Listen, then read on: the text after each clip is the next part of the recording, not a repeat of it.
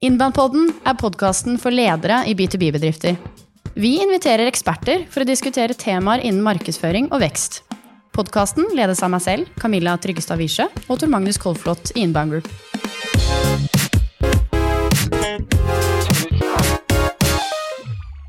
I dag har vi med oss en, eh, en LinkedIn-kjendis, Tor Magnus.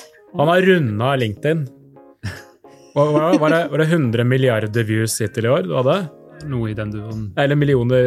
Ja, det var eh, Jeg tenkte at med mine en del, noen tusen lå godt an, jeg. Så skjønte jeg at det er noen som driver med millioner av visninger eh, på LinkedIn.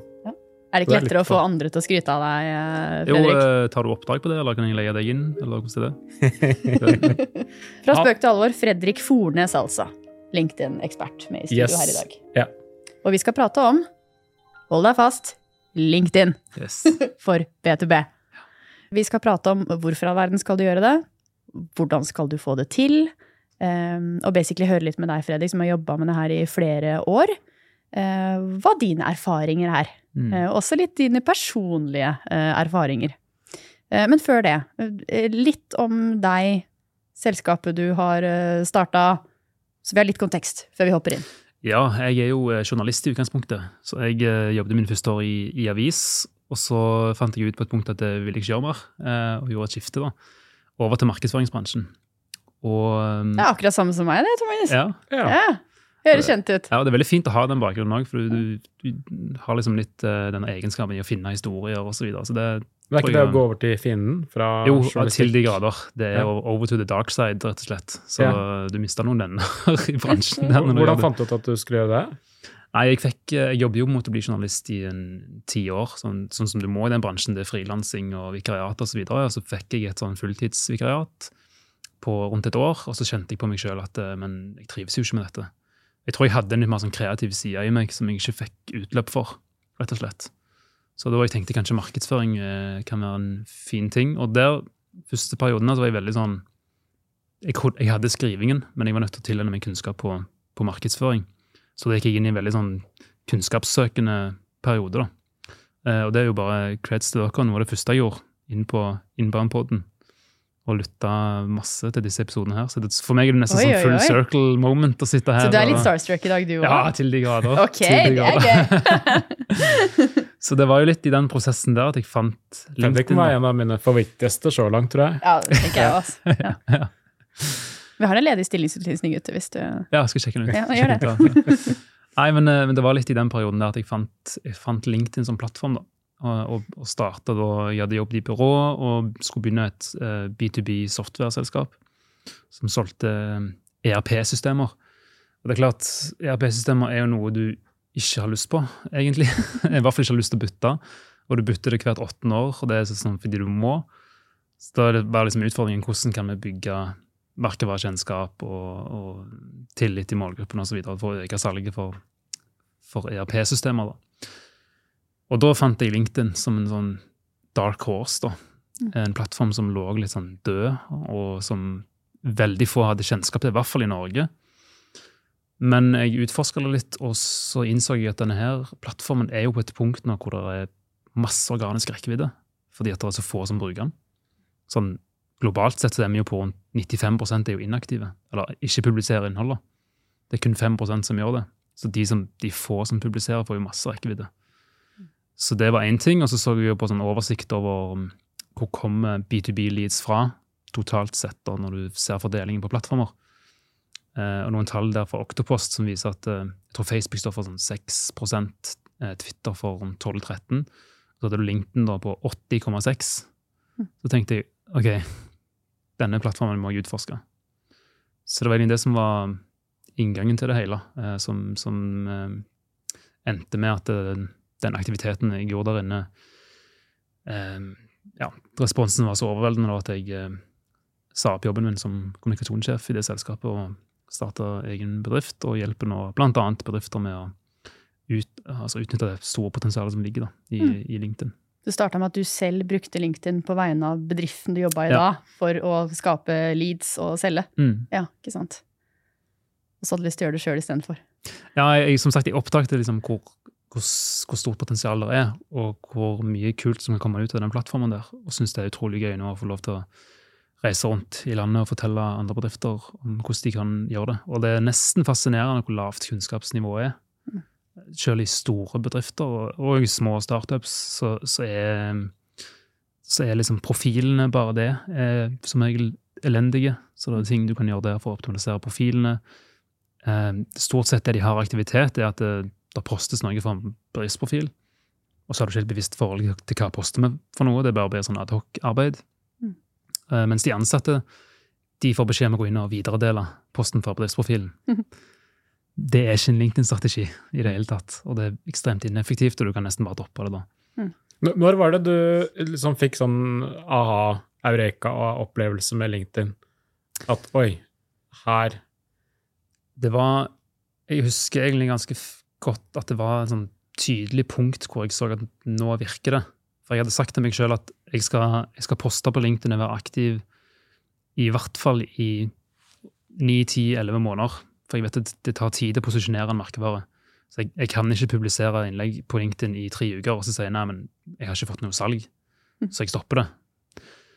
Så, så jeg var veldig bevisst på at nå skal jeg bare dele verdi, jeg skal bare gi masse verdi, godt innhold, over en, en periode på 9-10-11 måneder. Og så skal jeg først da vurdere om det er verdt tiden min eller ikke. Og de første månedene var jo elendige. Hvordan var- en type poster eller innlegg var det du la ut på LinkedIn da? jeg starta første måneden, da, da tenkte jeg jeg må jo snakke om det jeg skal selge. Så Mm. jeg drev jo og snakket eh, kjipe innlegg om ERP-systemer. Og det, det skinte jo gjennom da i posten at det var ikke det, var ikke det som dreiv meg, da. Da ble du selger, Fredrik. Ja. Ja. Eh, så, så det funka dårlig. Der fikk jeg liksom to likes, og det var min mor og en kollega. Ehm, så justerte jeg litt, og så begynte jeg å bli litt mer, sånn, litt mer menneskelig i tonen. da. Tok inn litt humor. Ehm, husker dere, Det var jo da pandemien kom. Jeg lagde en sånn hjemmekontorbingo um, med liksom brander da, som vi fikk en firma på et vis. Den tok jo av. Så så jeg liksom, ok, den type innhold funker. Så jeg justerte liksom litt underveis. da. Eh, og så var det for min del, eh, som sagt, måned 1, 2, 3, 4, 5 uten noe salg, men, men tallene gikk rette veien, så jeg begynte å få litt visninger osv. Men jeg kunne ikke vise til noe salg, så jeg kunne ikke dokumentere at dette hadde kjempebra effekt og ROI og alt det der som, som du gjerne skal levere på. da. Mm. Men på måned seks så var det nesten som at det var sånn bryter som bare sånn Der! Nå virker det. Og jeg bruker det eksempelet i foredraget mitt. Jeg har en, en slider som viser de meldingene som da begynte å tikke inn i innboksen min. De er nesten formulert helt identisk. For alle skriver 'Hei, Fredrik. Jeg har fulgt deg en stund på LinkedIn.' Og så kommer meldingen. Mm. Så da begynte jeg å analysere. ok, jeg har fulgt deg en stund. Hvorfor skriver de det? Jo, fordi de har blitt bearbeida over seks måneder, som tydeligvis er det som jeg åpenbart trenger for å gjøre de varme nok da, til at de sjøl tar kontakt.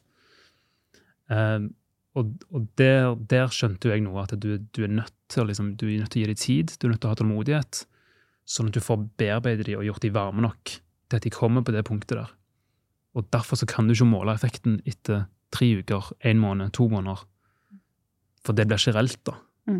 Men da etter seks måneder begynte salgene å renne inn, og dette kall det eureka-øyeblikket til Magnus eh, spurte Ja. om, eh, kom litt? Da begynte jeg å skjønne at her er det et eller annet veldig, veldig interessant. Og som sagt begynte å analysere litt hva det, hva det har gjort som har gjort at dette nå fungerer så bra. da.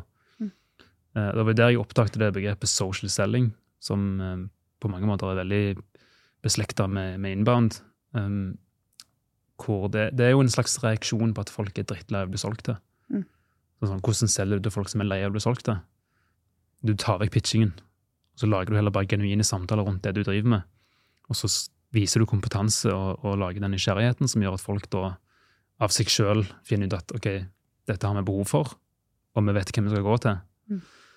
Og det er kanskje den det er kanskje den, den ene tingen som jeg minner alle på når de skal i gang på LinkedIn, det er å forstå den der som dere garantert kjenner til, 95-5-regelen. med at Mm. Sant? 95 er jo ikke i kjøpsmodus. Og dessverre så, så bruker de fleste norske bedrifter de bruker 95% av innsatsen sin på den 5 sant? De som allerede er i kjøpsmodus. De legger all innsats, alle penger, alle ressurser på å få de over linja med selgende budskap osv. Og, og hvis, de ikke funker, hvis det ikke funker, ikke får noen resultater, da må vi kaste mer penger på Google Ads eller et eller annet sant, for å løse problemet. jeg tenkte litt sånn, hvis vi heller ikke bryr oss så mye om de 5 for de kommer forhåpentligvis uansett, for all del vi kan bruke 5% av innsatsen på de, men la oss heller legge 95% innsatsen ned på den enorme målgruppen av folk som er de rette folkene, akkurat de rette sånn, personer, akkurat de du skal nå. De er bare ikke i kjøpsmodus ennå. De er ikke klar over potensialet, hvem som kan hjelpe dem, osv. Og det er jo det jeg egentlig har gjort med de innleggene som jeg hadde da i seks måneder. Disse menneskene som begynte å sende melding til meg, de var jo 95% De var jo ikke klar for å kjøpe for seks måneder siden. Men så har de da beveget seg over i 5 uten at jeg egentlig har visst at det, det, er det jeg har holdt på med, da, men jeg har flytta folk over i 5% og, og det fine der er jo at jeg trenger ikke gjøre salget sjøl engang. Fordi de kommer de til meg for de har sett at dette er en person som har vist kompetanse på området. Og så tar de sjøl kontakt. Det høres du, veldig innbane ut. Ja, det få dem til å komme til deg. Det høres ja. kjent ut. Eh, for å dra litt sånn historien din og fram til dit du er i dag, før vi dykker inn i social mm. selling og alle tipsene. Eh, du fikk dette, denne åpenbaringen at dette funker jo ekstremt bra. Dette er det jeg skal hjelpe selskapet med. Så begynte du for deg sjøl. Mm. Eh, og så var du med å starte Hubify. Ja.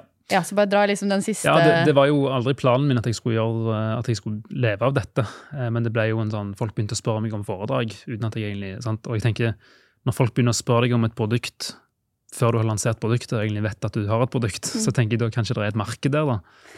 så, da så da fant vi ut at um, sammen med, med, en annen gjeng at vi skulle starte um, Hubify, som, som, hjelper bedrifter kommersielt totalt sett. og Som hjelper dem med merkevare, synlighet og salg. Alle de tre de, som på en måte henger sammen i en slags trekant. da. Alle de tre må liksom være en del av det for at det skal funke. Mm. Eh, hvor synlighetsbiten er den biten som jeg eh, jobber innenfor. Da. Mm. Så det er jo um, ja, alt som går på digital synlighet. Men først og fremst LinkedIn er, jo det jeg jobber mest med. Så um, enten det er foredrag for bedrifter, eller at jeg går inn og at jeg trener eh, ambassadørteam internt da, eh, med å få de synlige på LinkedIn. Mm. Så mesteparten av tiden din på LinkedIn, det, det er liksom fortsatt din hovedarbeidshverdag? Ja, det du brenner for? Det går, det går mye Hva er det, hvordan, hva er det du syns er mest gøy? Ja? Hvordan type oppdrag og oppgaver er det du syns er aller aller mest engasjerende? Jeg, jeg syns det er utrolig fint å få lov til å være med og løfte fram fine historier i selskaper som aldri blir fortalt. da. Og det kommer nok litt av den journalistbakgrunnen jeg har. At jeg, det er så enormt mange fine, bra historier som aldri blir fortalt. Eller som bare blir liggende på et intranett. Hva slags type historier typisk eh, kan vi snakke om da? En som vanlig norsk B2B-bedrift? Det kan være f.eks. Jeg gjorde en jobb med, med BDO, for mm. um, hvor man jobbet med, med, direktøren i BDO. Og der er det sånn, igjen, du trenger ikke gå, altså, Veldig mange tar på seg de skylappene og så tenker de hva de skal selge. Så må jeg snakke kun om det. Og så er mitt perspektiv men du kan heller løfte fram de fine historiene og på den måten bygge merkevaren og tilliten osv. Så, videre. så der hadde vi jo han, eh, han Martin Aasen som la ut et innlegg om reversed mentoring. Utrolig kult konsept, hvor han da blir mentor av en yngre ansatt hos seg, eh, som han fortalte om. Da var sånn, Det er jo en kjempefin post, den må vi jo lage. Eh, og det å se på en måte responsen den får og Det, er, det er sånn typisk sånn vinn-vinn-vinn-innlegg. Han som leder ser jo kjempebra ut, fordi han løfter fram sine yngre ansatte. BDO som arbeidsplass får jo skinne. Ikke minst han Sondre der, som ble trukket fram som, som mentoren, da, eh, ser jo òg kjempebra ut. Eh, og så endte jo den posten i at eh, eh, Viking fotballklubb i, i, Stavanger Noen i det nettverket så den posten og inviterte de til et foredrag. Eh, så de sto jo foran 80 eh, sponsorer eh, på Viking stadion og fortalte om dette konseptet pga. den ene posten. Og Det syns jeg bare viser liksom effekten det kan ha, da, hvis du bare ser de historiene som ligger der, og forteller de. Bare tenk branding-effekt den ene posten det hadde. da. Som du jobber med. Nå nevner du BDO som eksempel. da. Uh, en ting er på en måte å være inne på en workshop og skape et engasjement der, og skape en sånn type historie, en sånn post. Men er du også da inne og jobber med på en måte BDO og, og de folka over tid? Eller sånn? Mm. Hva, ja. Det er vel litt det som skal til for å lykkes, og som holder på i alle disse månedene? Ja. Hva? Det er litt også å få de til å Det er ofte en terskel for folk da, å poste på LinkedIn. Så det å holde de litt i hånda i starten og få de i gang, er ofte det som er det viktigste. da. Mm. Så, sånn som med BDO Fonero òg et godt eksempel. De, eh, ble jo finalist i en sånn årets markedsførerkonkurranse her på Sørlandet nå, av den kampanjen som de gjorde på LinkedIn. Eh, det syns jeg er dødskult. Der gikk jeg inn og um, hadde liksom Vi starter gjennom et foredrag og en workshop sånn at alle får en forståelse av plattformen. Så plukker vi ut enkelte ambassadører da, som skal bli de slags bjellesauene som går foran. Mm. Og Det er jo en viktig ting å huske på at når du skal bli aktiv på LinkedIn som bedrift, så gjelder det å, å koble på de personlige profilene. For folk gjør business med folk, og personlige profiler har jo, de får altså i snitt åtte ganger mer engasjement fordi at folk har lyst til å kommunisere med mennesker, og ikke med en bedriftsside. Og algoritmen er jo som alle andre plattformer drevet av hvor mye engasjement får du. Og det sier seg selv Når du får åtte ganger mer engasjement på en personlig profil, så når du også i snitt godt over 500 flere. Mm. Så det altså Skal, skal alle bedrifter få alle ansatte til å poste hver dag på LinkedIn. Eller hva? Nei, det er jo ikke realistisk. Og det er akkurat derfor vi plukker ut disse ambassadørene. da. For, du klarer, for det første så klarer du ikke å frelse alle. så du, Noen vil alltid være skeptiske eller, eller har ikke lyst til å være synlige osv. Det er helt greit. Men hvis du klarer å plukke ut en tre, fire, fem ambassadører da, som er aktive med sine personlige profiler, så kan du mangedoble effekten, rett og slett. For da er den så enormt mye større på de profilene. Mm. Så det er derfor vi går, går inn og så velger litt sånn strategisk og litt hvem skal disse personene være. Sånn som i Fonero så valgte vi liksom en, en leder, men vi hadde òg en fra HR. Vi hadde kundesupport. Så det er liksom Mm. ulike vinklinger, da. Så det skal ikke bare sånn alle selgerne skal være på Nei. LinkedIn og være aktive der, og det er det. Nei, det er det som er fint. Du må få inn de andre vinklingene på ting. Og det, og det er jo, syns jeg jo er veldig bra at du får på en måte spredd ansvaret litt. At markedsføringen og salget egentlig blir gjort litt av alle. Det blir ikke, all, all ansvaret ligger ikke på den ene personen som sitter på marked. Sånn som Fonero har jo en markedsutdeling på én person. Mm. Når hun da får støtte av fire andre, så har det en helt annen effekt. da. Mm. Og, og som sagt, det er så få som er aktive, og rekkevidden er såpass stor at får du med deg to eller tre sånne ambassadører som er, som er aktive, så har det ganske stor effekt. Og så kan heller de andre prøve å finne sin rolle i det. Kanskje de bare skal være med og, eh, og gi spredning til innholdet gjennom å gjøre de rette tingene som er med å gjøre fart. Som ikke er å dele, men som er eksempel å kommentere. Som er det som gir mest poeng i algoritmen. Det ble litt tekniske, men det er bare å være klar over de småtingene der. da. Og så kan folk, som kan alle bidra, men at du heller bygger LinkedIn-aktiviteten rundt et par eh, profiler i selskapet. Og så mener jeg jo lederen nesten alltid bør være med, da. Ja, hvordan får man eh, den, den første gjengen med tre, fire, fem mennesker i gang på dette her, da? Jeg ser for deg nå, hvis vi, tar, vi later som at vi, vi trenger ikke å være et eget selskap, vi da, men kanskje jeg har tatt initiativ på LinkedIn og sendt deg en melding. Hei, Fredrik, jeg har fulgt deg en stund på LinkedIn. Jeg tror Mm. selskapet mitt kan ha nytte av dette her. Jeg har eh, en markedsavdeling på tre mennesker og noen selgere. Vi er ikke på LinkedIn i det hele tatt. Første workshop, da, liksom, så vi drar gjennom et sånt eksempel. Vi Ja. poster litt på bedriftsprofilen, da. Ja. Ja. Men det er ikke så mye likes. Ja, så har vi litt annonser, da. For det har vi Moren hørt min at trykker det er ofte like på innleggene Ja. til bedriften. Ja, ikke sant? Veldig bra utgangspunkt. Mm. Ja. Hvordan, ja. I, Som regel så starter jeg med, med, det, med det foredraget hvor vi samler alle sammen. Hvor jeg går gjennom hvordan LinkedIn faktisk fungerer. Og det gjør litt vondt for dem, som regel. For da ser de liksom alle de klassiske feilene som jeg nevner. da. Mm. Har de jo gjort. Som f.eks. å kun være aktiv med bedriftsprofilen, Mm. mens gullet ligger i de personlige profilene. Jeg nevner for deg at husk på at kundene deres de søker dere opp på Google. Og der er LinkedIn-profilen din plass nummer én, to eller tre, som regel. Og kunder i dag gjør researchen. Så på mange måter så er profilen din førsteinntrykket av deg, og dermed selskapet du representerer. Og da blir de litt sånn svar skyldig. Sånn, for da sier jeg sier egentlig at hver enkelt sin profil innad i selskapet det er som en slags butikkfasade. En slags franchisetaker i, i kjeden. Og så viser jeg bilder av en sånn forlatt butikkfasade. så bare sånn, Dette er det dere viser fram til kundene deres i dag. Eh, og da kjenner de litt på oi, dette må vi, dette må vi gjøre noe med. Og, og når de da ser liksom hvor, hvor enkelt det er å bli synlig pga. den organiske rekkevidden, pga. som få som er aktive her inne, eh, de får vite potensialet som ligger i de personlige profilene, så begynner de å bli inspirert. Og så eh, kan du da ut fra det se på hvem er det som har potensial, hvem har lyst, og så plukker du de ambassadørene da, Mm. eh, basert på det. så du ser litt an rommet, Ja. basically. På Mm. hvem, hvem, hvor, det, hvor går lyset opp. Mm. Mm. Og så håper man at det er de samme menneskene som også lyset burde gå opp hos.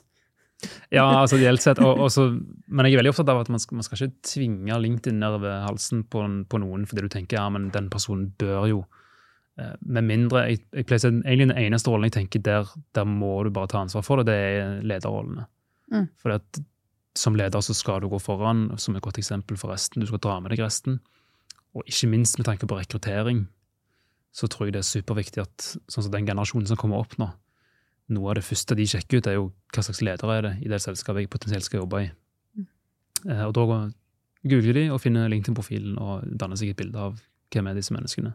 Mm. Så som leder så føler jeg at det, det følger med litt rollen. da. Du må ta litt ansvaret. Mm. Så se for deg at meg og Tor Magnus det er to av de som nå har rukket opp hånda og blir litt ekstra inspirert, og Lise har gått opp. Og kanskje to andre her også. Hva, hva gjør du da? Hva er liksom neste steg? Det første steget er å um, definere litt hva, hva skal deres tema være. Hvem skal dere snakke til? Og heller nisje ned hver enkelt, istedenfor at alle skal snakke til alle. da. Så fordeler vi litt hva er ditt perspektiv, hva er ditt tema, hvem er det du skal snakke til? For det kan være ulikt internt. Det kan godt være at um, sånn som i Fonero, så var det hun på HR har jo rekrutteringsperspektivet. Ok, men Da er det jo de personene vi skal snakke til, så da må du snakke om de temaene der. Mens andre som har et annet perspektiv, ok, men du, da skal du eie det sporet som går mot den delen av målgruppen, f.eks. Mm. Så nisjer vi heller ned på hver enkelt istedenfor at som sagt, alle skal være alt for alle. Da. Det er sånn vi jobber i Hubify i dag òg. Vi, vi, har jo siden oppstarten ikke tatt én kald telefon, eh, ikke sendt én e-post. ikke, egentlig, Vi har faktisk ikke betalt en krone i betalt markedsføring heller. Mm. Alt er organisk innhold på LinkedIn. Og vi har jo um, vi, vi walk the talk, rett og slett. Sånn. vi, vi bruker selv um, strategisk bruk av LinkedIn gjennom våre ambassadører. Og så har vi definert hva er ditt område. Sånn som For min del så er det LinkedIn. Selv om jeg driver med nettsider òg. Jeg sitter og utvikler nettsider for kundene våre. Mm. Snakker ingenting om det på LinkedIn, for jeg skal ikke begynne å forkludre det bildet. Sant? Der skal jeg bare være han LinkedIn-fyren. Uh, mens Karoline hos oss, hun som skriver tekst, hun skal dele skrivetips. Det skal være hennes greie. Kjetil som jobber med salg, osv. Så, videre, så, så har vi definert og så eier vi hvert vårt tema da, veldig tydelig. Mm. Så det er liksom første, første jobben å finne ut hva, hva skal du nisje deg ned på, hva skal din greie være. Og så basert på det da, så må vi optimalisere profilen. Det er det første, for profilen er nødt til å være bra. Du kan ikke begynne med innhold hvis du drar folk som sagt inn til en tom butikkfasade. Så du må gjøre den jobben med å optimalisere profilen. Å være en optimal profil? Nei, det, det er som enkle ting som å Litt i den butikkmetaforen med å sette ting i hyllene. da. Så at du laster opp det der bannerbildet i toppen, f.eks. Det mest brukte bannerbildet i Norge er jo ingen bannerbilder. Mm. Den der grå silhuetten. Det er, det er det første du ser. så Bruk den til å fortelle noe om hva dere driver med, og få en logoen og et eller annet som plasserer deg litt der. Um, du har dette profilerte feltet, hvor du kan sette ut linker igjen til der du vil ha de. Det er litt sånn som dere kjenner igjen fra, fra nettsideproduksjon, hvor du skal ha sant, call to actions, så du skal ha de jevnlig, så du har de både i toppen og i bunnen. Du skal ha de liksom inn der, så du vil ha de hele veien. Sånn er jo min profil i dag. At jeg er veldig konkret i linkene mine. Så jeg sender sånn så den øverste linken som du kan ha på profilen din, du kan ha en ganske høyt oppe på profilen. Der legger de fleste bare inn hubbyfighter.no. Så er det sånn hva, vil, hva, skal vi gjøre der? Det er jo bare en forside med masse valg. Da gjør man heller mye mer konkret. Så sier vi her kan du booke LinkedIn-kurs med meg. Konkret i call to actions, og så er det den linken jeg hele veien krydrer gjennom profilen. Til og med inne på CV-en min, hvor du går inn på min CV og ser på Hubify-punktet, så har jeg skrevet litt om Hubify, og så har jeg linken igjen til book LinkedIn-kurs med meg i CV-en. Så igjen sette de der produktene ut i hylla så ofte som du kan, da. Uh, I hvert fall hvis, hvis salg er målet, da. Um, og så når det er gjort, så er det begynner å se på innhold, basert på det temaet du har. Hva skal du snakke om på din profil? da? Så lager vi en innholdsplan, og så trenger det ikke være så hyppig folk publiserer heller. Det som er så fint med, med, LinkedIn, at det trenger ikke å være sånn at du skal poste tre ganger til dagen for å se effekt. Du kan poste, sånn som For min del så poster jeg én gang i uka.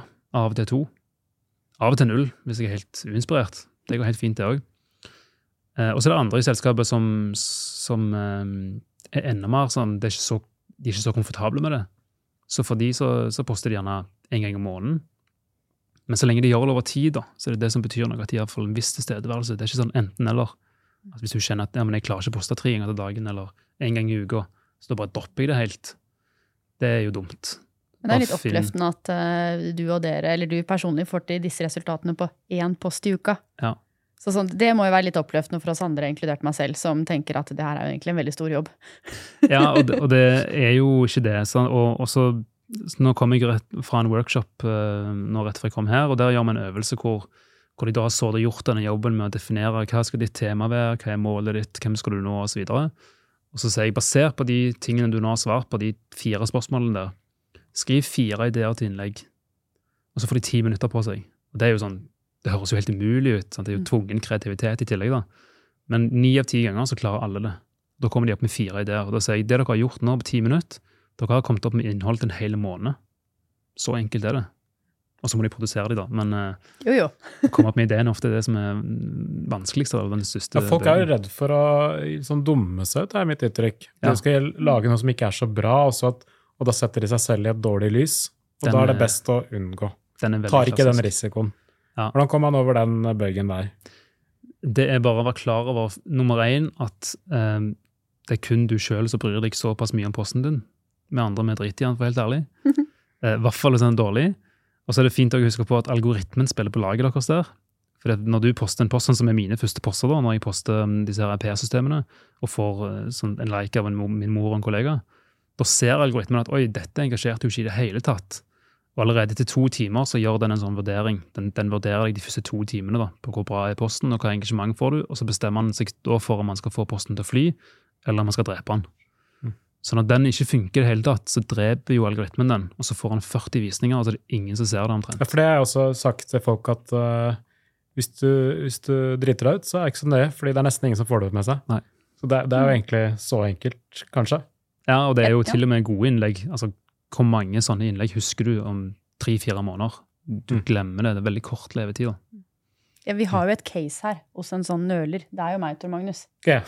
Altså, jeg har sagt bokstavelig talt siden du spurte meg om jeg ville ta den jobben her for tre og et halvt år siden, eh, sagt at jeg, jeg skal bli aktiv på LinkedIn. Fordi vi er litt sånn som deg, Fredrik. Sånn, vi, får veldig, vi får egentlig, eller Mesteparten av salget vårt kommer fra innkommende henvendelser.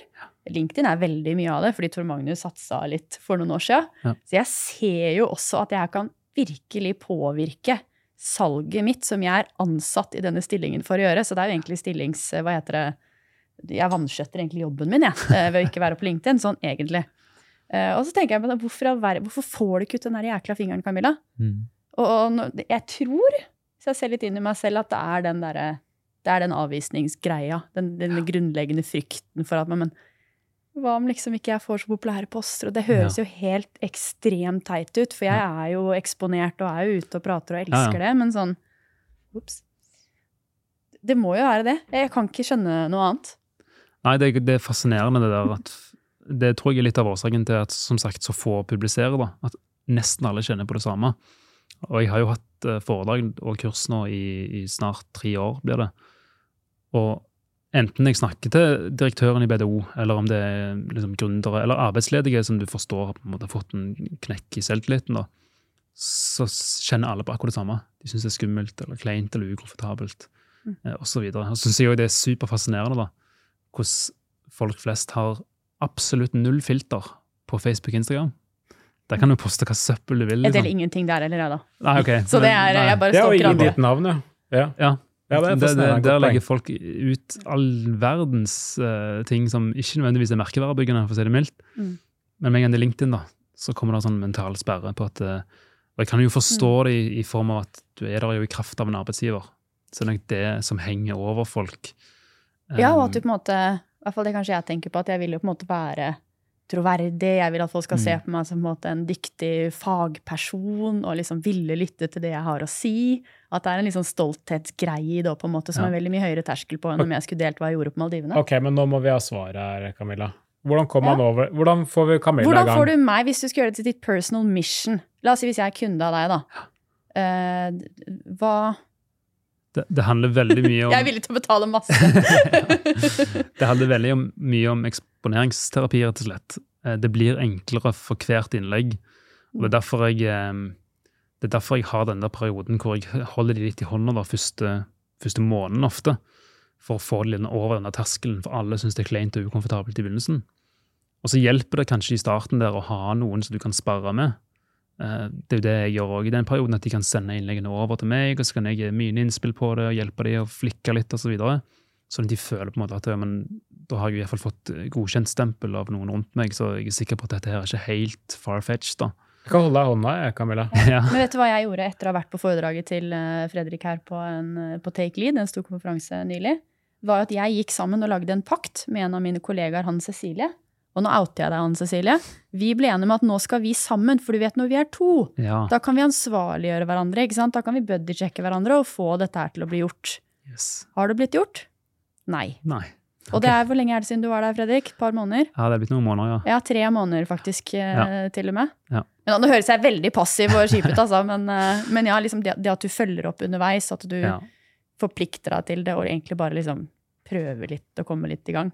Ja, og, og gjennom å kjøre disse ambassadørløpene så legger vi opp denne innholdsplanen, og den er jo en felles, alle kan se den, alle ser hva som ligger inne hver uke. Det går ut ukentlige påminnere på mail, sånn at alle ser dette, og det går ut til alle, sånn at alle ser liksom at dette er planlagt, sånn at du ser ditt navn i lista. Så du blir litt ansvarliggjort da, som sagt. Og lederen er med. Absolutt. Absolutt. Um, og så kjører vi også, og så har vi også sagt på forhånd at vi skal ha en oppsummeringstime til slutt, hvor vi skal analysere litt innleggene som er publisert, og vi skal se hva vi har gjort siste måneden osv. Da har du ikke lyst til å komme der og være den som på en måte bare har posta null eller ett innlegg, eh, når det ligger fire i planen. da. Av alle de selskapene du har eh, hjulpet nå, og kommet i gang Jeg, jeg uh, vil tro at de aller fleste som har et foredrag med deg, blir litt opplyste. Mm. Det er jo en grunn til at du gjør det veldig bra. Du har en kommunikasjonsevne som uh, jeg syns er veldig fin, og jeg så hvordan ansiktene til de fleste lyste opp uh, under den konferansen jeg var på. Men hvor mange er det du prater til og jobber med som faktisk får det til? Over tid. Ja, det er jo et interessant spørsmål, og jeg husker jeg sa det i um, Etter jeg var i Bergen og holdt et foredrag der for noen selgere på en salgskonferanse der, så sa jeg det til og med til de i salen bare så dere vet det nå, nå er dere inspirert her, men jeg vet når dere går derfra, Mm. så er det fem eller seks prosent av dere som kommer til å gjøre det. Og det er litt sånn igjen fascinerende hvorfor det er sånn, men for min del så tenker jeg jo bare for, for de få som, som tør å ta steget, da, tør å virkelig eh, utfordre den komfortsonen litt, Mm. så er jo effekten utrolig bra. For igjen, 95 tør jo ikke, Mm. og tar jo ikke det steget. Så Er det liksom demotiverende for deg å når du jobber med alle disse selskapene, og så opplever du at det er så få av de du prater med, som faktisk gjør dette her? Der er vel stor forskjell på å holde et, eh, et foredrag Ja. kontra gå inn i en bedrift, sammen med ledelsen, legge en plan Ja. med de ansatte, med Absolutt. et oppfølgingsprogram. Ja, og det var jo derfor jeg, jeg begynte å gjøre det. For jeg så at når jeg bare gikk inn og holdt foredrag, så ble det ofte sånn at folk er inspirert der og da. Og så går de ut, og så kommer hverdagen, og så slutter de. Mm. Um, Jeg, så, jeg har en ting som eh, irriterer meg litt med LinkedIn.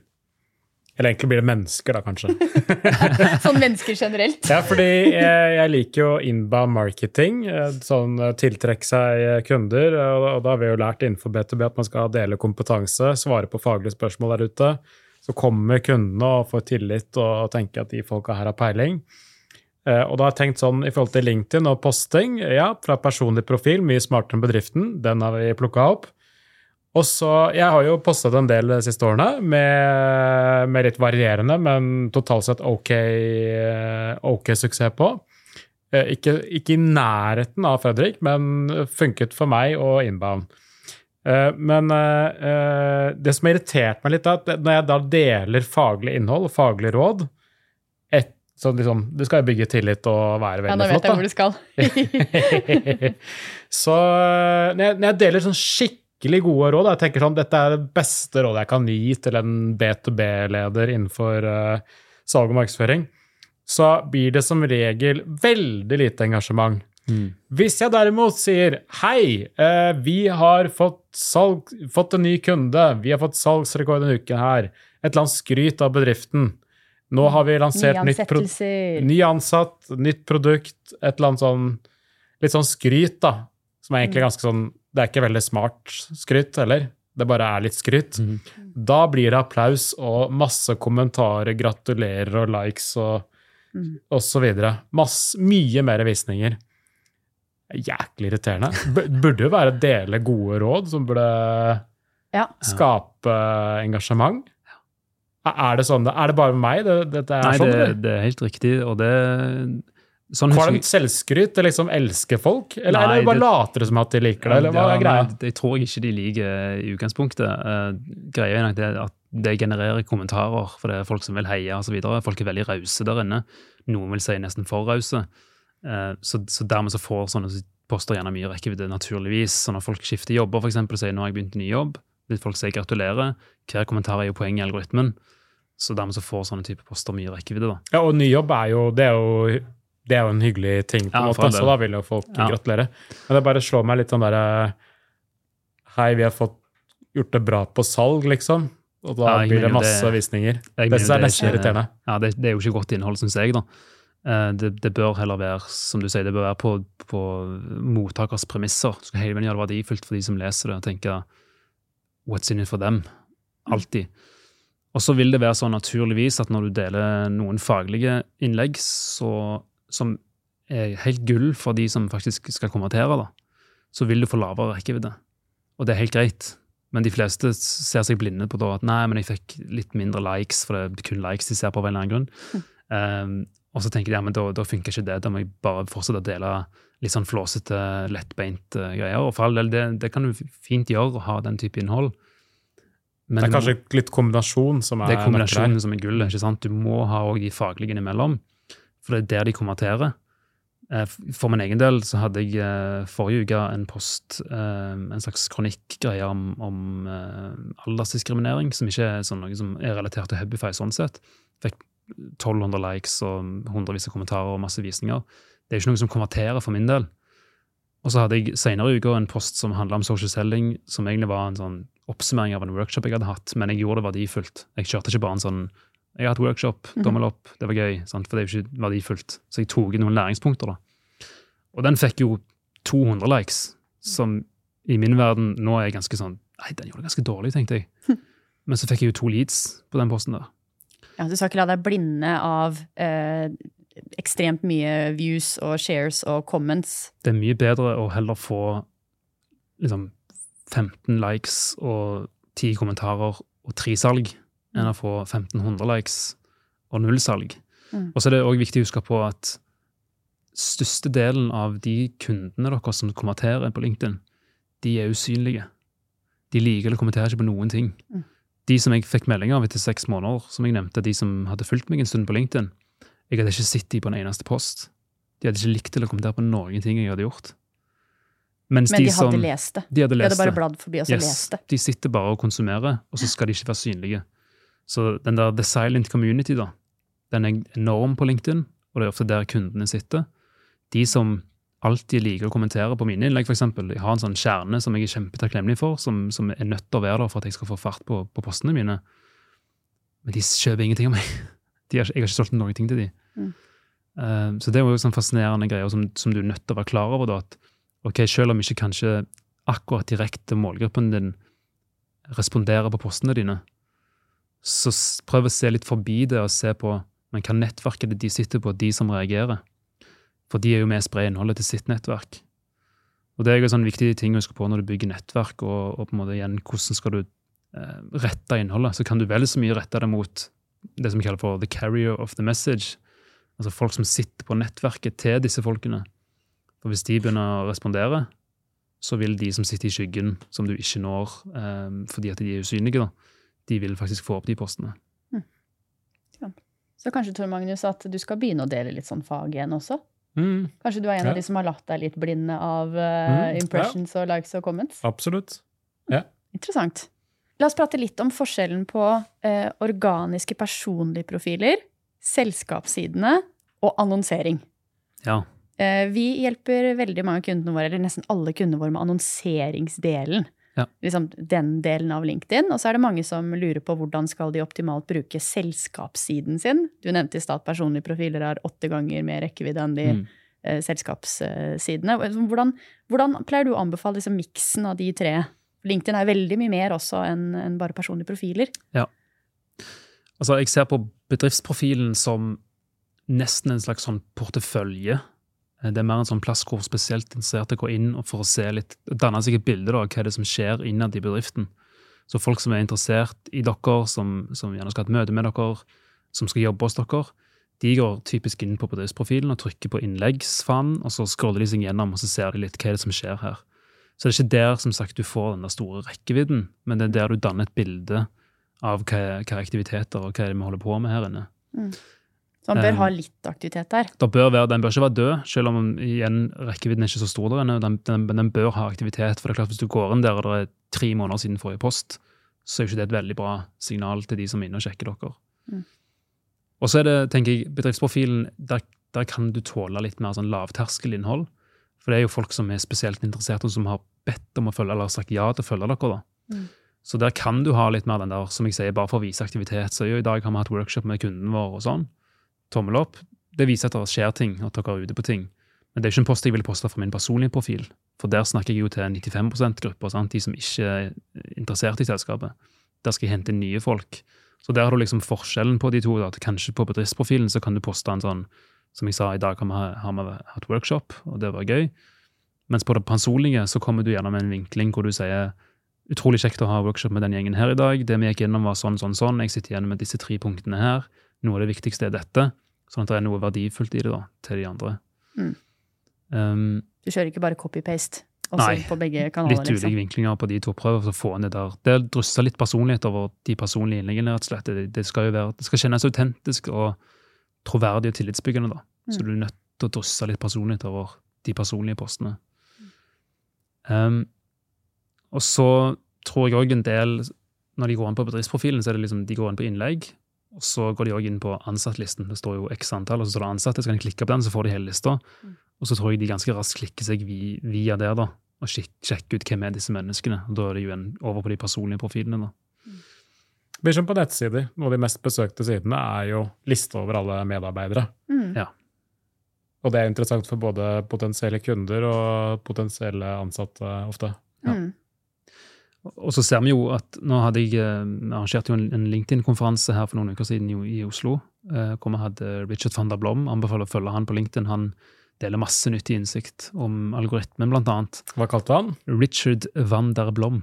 Richard Van der Blom. Yes, han slipper Nederlandsk-belgisk Yes. Ja. Mm. nederlandsk eh, som bor i Spania, eh, av alle ting. Men han, han gjør eh, sånn årlig eller kvartalsvise algoritme-research, så han slipper mye info rundt den.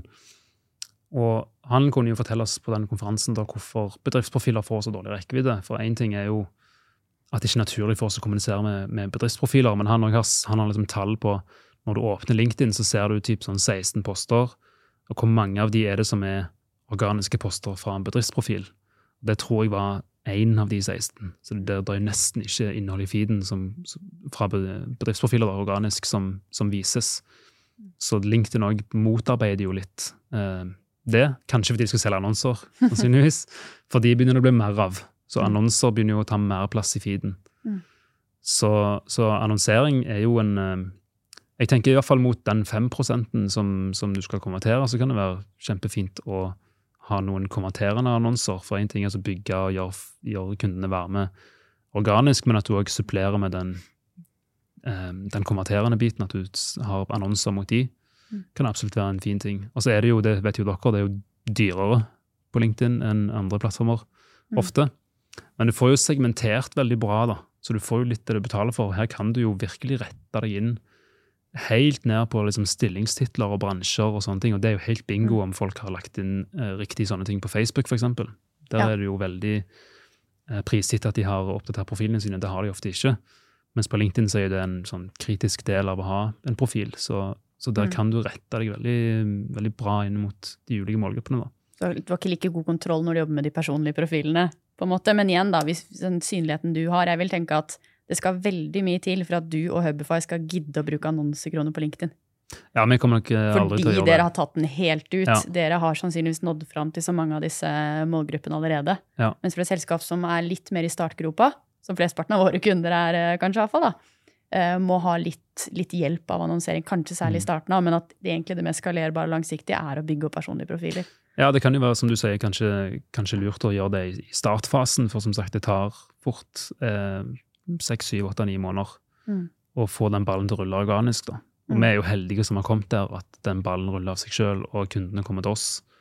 Men jeg, jeg, tror ikke det er sånn, og det kommer litt an på bransjen og hva type produkt osv. Og, sånn, og det er klart andre, andre type, Sånn som ERP-systemer vil du jo ikke få folk som hiver seg inn i innboksen og, og har kjempelyst til å kjøpe av deg. Mm. Så der må du nok gjøre litt andre grep ja, for, for å få det til. Mm. Jeg har noen helt sånn grunnleggende spørsmål. jeg.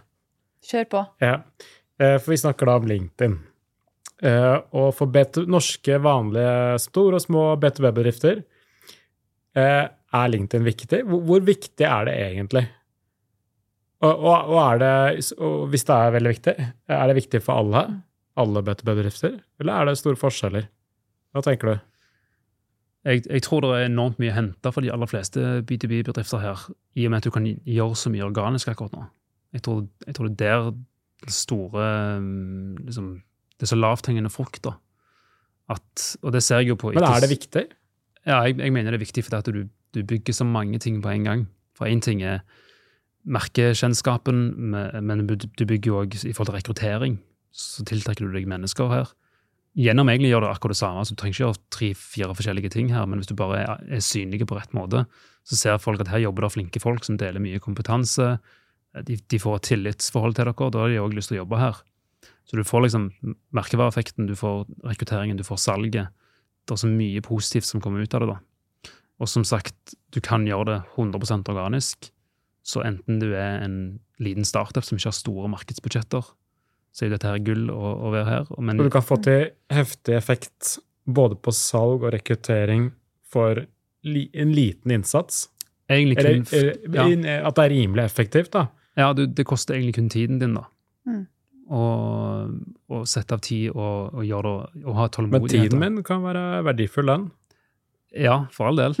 For all del, Men det er ikke noe som du igjen, du trenger ikke nødvendigvis å legge penger på dette. Mm. Det handler bare om å sette av eh, Sette av eh, og, og få det på en måte inn i en slags rutine, da. Altså Hvis Eh. det er en fire-fem i bedriften som er aktiv på LinkedIn, da, så hvor mange timer i uka eller måneden må legges ned? Nei, du kan si at hvis du har ett innlegg i uka, og du kan enten si eh, Du kan til og med gjøre det så enkelt som at hvis du er fire personer i det ambassadørteamet, da, så kan du si ja, men vi skal i hvert fall være synlige med ett innlegg i uka på én av de sin personlige profil. Og da går det jo fire uker mellom hver gang noen skal poste noe. Det klarer de aller fleste å få til. Og så er jo en annen ting, det å bli synlig handler jo vel så mye om å være aktiv i kommentarfelt. Til Så hva andre legger ut. Yes. Ja. Så det òg å kanskje sette av en dedikert tid fredager, halvtime før vi går hjem, så går jeg inne og kommenterer på mm, prospekter sine innlegg hvis de har posta noe. Nå er du i litt spesiell case, da, for du lever jo også av LinkedIn selv, men sånn, eh, hvor mye tid bruker du på LinkedIn, hvis du er litt raus eh, med deg selv nå, i løpet av en arbeidsuke? Altfor mye, sikkert. Um, jeg, jeg pleide å ha sånn i starten når jeg skulle begynne, da, så hadde jeg en sånn veldig sånn struktur på at jeg, jeg skulle poste Jeg hadde en dag hvor jeg skulle poste, og da skrev jeg gjerne posten dagen før. Så jeg satte av gjerne en, time eller to til å skrive posten og gjøre den klar. Poste den dagen etterpå. Og så var jeg veldig på at jeg skulle, der det var mulig, være litt på, i hvert fall den første timen etter du har posta. Det har det til å si for algoritmen at du er litt på å svare folk og liksom være med den litt opp. da. Så da går det gjerne en time, to, den dagen òg når du har posta. Du, Fredrik, hvor, hvor, hvor stor andel av norske bedrifter uh, så et, ja, La oss prøve å tenke B2B, da. Men eh, eh, vil du si er gode på LinkedIn i dag? Er sånn er, Gjør de aller fleste gjør det ganske bra, eller er det forsvinner liten andel, eller uh, hva, hva tenker du, sånn cirka? Nei, det er, en, det er som jeg har vært inne på, nesten litt fascinerende lavt nivå. Så jeg vil si at ni av ti, nesten ti av ti bedrifter har potensial her for å gjøre det mye, mye bedre. Og, og det jeg ser jeg jo når jeg holder foredrag, altså det er de enkle, enkle tingene som de ikke er klar over. Eh, Stort sett de aller fleste bedrifter kun aktive med bedriftsprofilen. Der er rekkevidden begrensa. De personlige profilene er helt døde. Og det eneste de gjør, er å gå inn og trykke 'del'. Og Så- sånn er det selv eh, Jeg vet ikke hvor lenge LinkedIn holdt på, jeg er 16-17 år eller noe sånt. Ja. Ja, for det er jo et mysterium. for Hvis vi tenker på alle markedskanalene vi typisk jobber med, da, alt fra sånn webinar til podkast til fagartikler til Facebook-annonsering til LinkedIn-annonsering, der begynner til og med B2B-selskaper å bli relativt modne. Mm. Og så er det akkurat denne liksom LinkedIn-greia er som bare De det er helt Vi får ikke til, liksom. Jeg tror det går fordi det er, at det er via personlige profiler. Ja, det er At det er der gullet er, og da, da blir det et kjempehinder. Ja. Eh, Og så Det er der jo gullet ligger, og så er det der Mm. også hinderet er størst. mm. Ja, så har det utvikla seg veldig, da. Det må jo sies, selv om LinkedIn som du sier, er en, en gammel plattform. Men det er jo kanskje først når, eh, altså når Microsoft kjøpte de opp, det var vel i 2013, så begynte det å skje litt ting. Og så kom pandemien, da. Og da måtte vi plutselig begynne å nettverke på helt andre vis. Så jeg vil jo nesten si at LinkedIn-bølgen har jo kanskje først starta da, når pandemien kom. Så vi, selv om det er en gammel plattform, så føler jeg vi er fortsatt helt i starten da, av, eh, av den store utviklingen som kommer til å skje de neste årene. Men det er jo ganske digg, da, når eh, La oss si at over 90% av norske B2B-bedrifter ikke gjør det så veldig bra på LinkedIn. Ja. Da er det jo ganske Da blir det fort uh, god effekt hvis du først får ut fingeren og lager en ordentlig plan og gjennomfører den. Jeg kan si Nesten uavhengig av hva bransje vi snakker om, så er ikke konkurrenten din god på LinkedIn. Den posisjonen kan du ta. Det kan jeg Ja. si nesten uavhengig av hvem vi snakker til. Mm. Eh, Jeg kan som regel også bare gå inn på bedriftsprofilen din, eh, så kan jeg ta en screenshot av de siste ti postene, så kan jeg si null kommentarer, null kommentarer, null kommentarer. Dette funker ikke. sant? Og så går jeg inn på personlige profilene deres. og sier her mangler det bannerbilde på alle ti stykkene jeg søkte opp. Så alle dere har den der grå silhuetten i starten. Hva førsteinntrykk gjør, de, gjør det egentlig av kunden deres, som går inn og sjekker dette? Og, og jeg kan bare gjøre, altså, Hvilken som helst bedrift kan jeg gjøre det med. Og du kan til og med gå inn på de store bedriftene, Equinor, som har liksom 725 000 følgere. 24 likes, null kommentarer på postene Har du sine. sjekka profilen til Camilla og meg, eller? Eh, jeg har vært inne på de. Ja, ja. ja. Har du noe, noen kommentarer, eller? Der, der er som Én har postet litt mer enn andre, kanskje? Ja, ja, nei, min er ræva, det er jeg helt med på. Men jeg svarer når folk kommenterer til meg, da. Ja, Ja ja. Du har banner, og Ja, helt, det står helt- oppdatert stillingstittel og ja, det, men det er, det er liksom Ja. ofte det nivået. altså Når du går inn på bedrift, eller personlige profilene, da. Først skal de huske passordet, det har de jo ikke gjort. Og så ligger de gjerne inne med tidligere arbeidsgiver.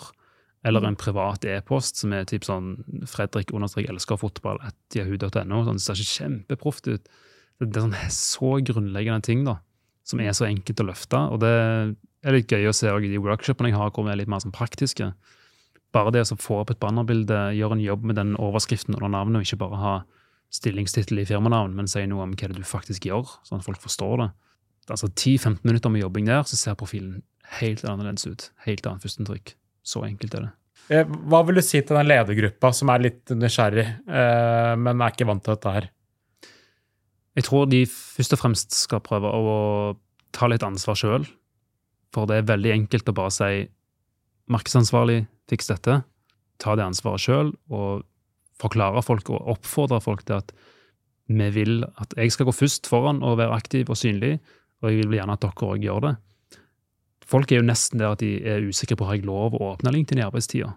Sånn, bare la oss fjerne all tvil om det, om at dette er gull for, ikke minst for deres personlige merkevarer, som også er positivt for de, men det er også kjempepositivt for selskapet. Så oppfordrer de ansatte til å, å, å være Men kanskje ledergruppa er da litt eh, redd for at hvis de mange flinke ansatte blir aktive på LinkedIn, så blir de bare headhunta. Ja, det, det er jo litt sånn klassisk, og det tenker jeg eh, Ja, for all del. Det, du risikerer jo det. Det er kalkulert risiko. Jeg syns gevinsten er enormt mye større enn risikoen.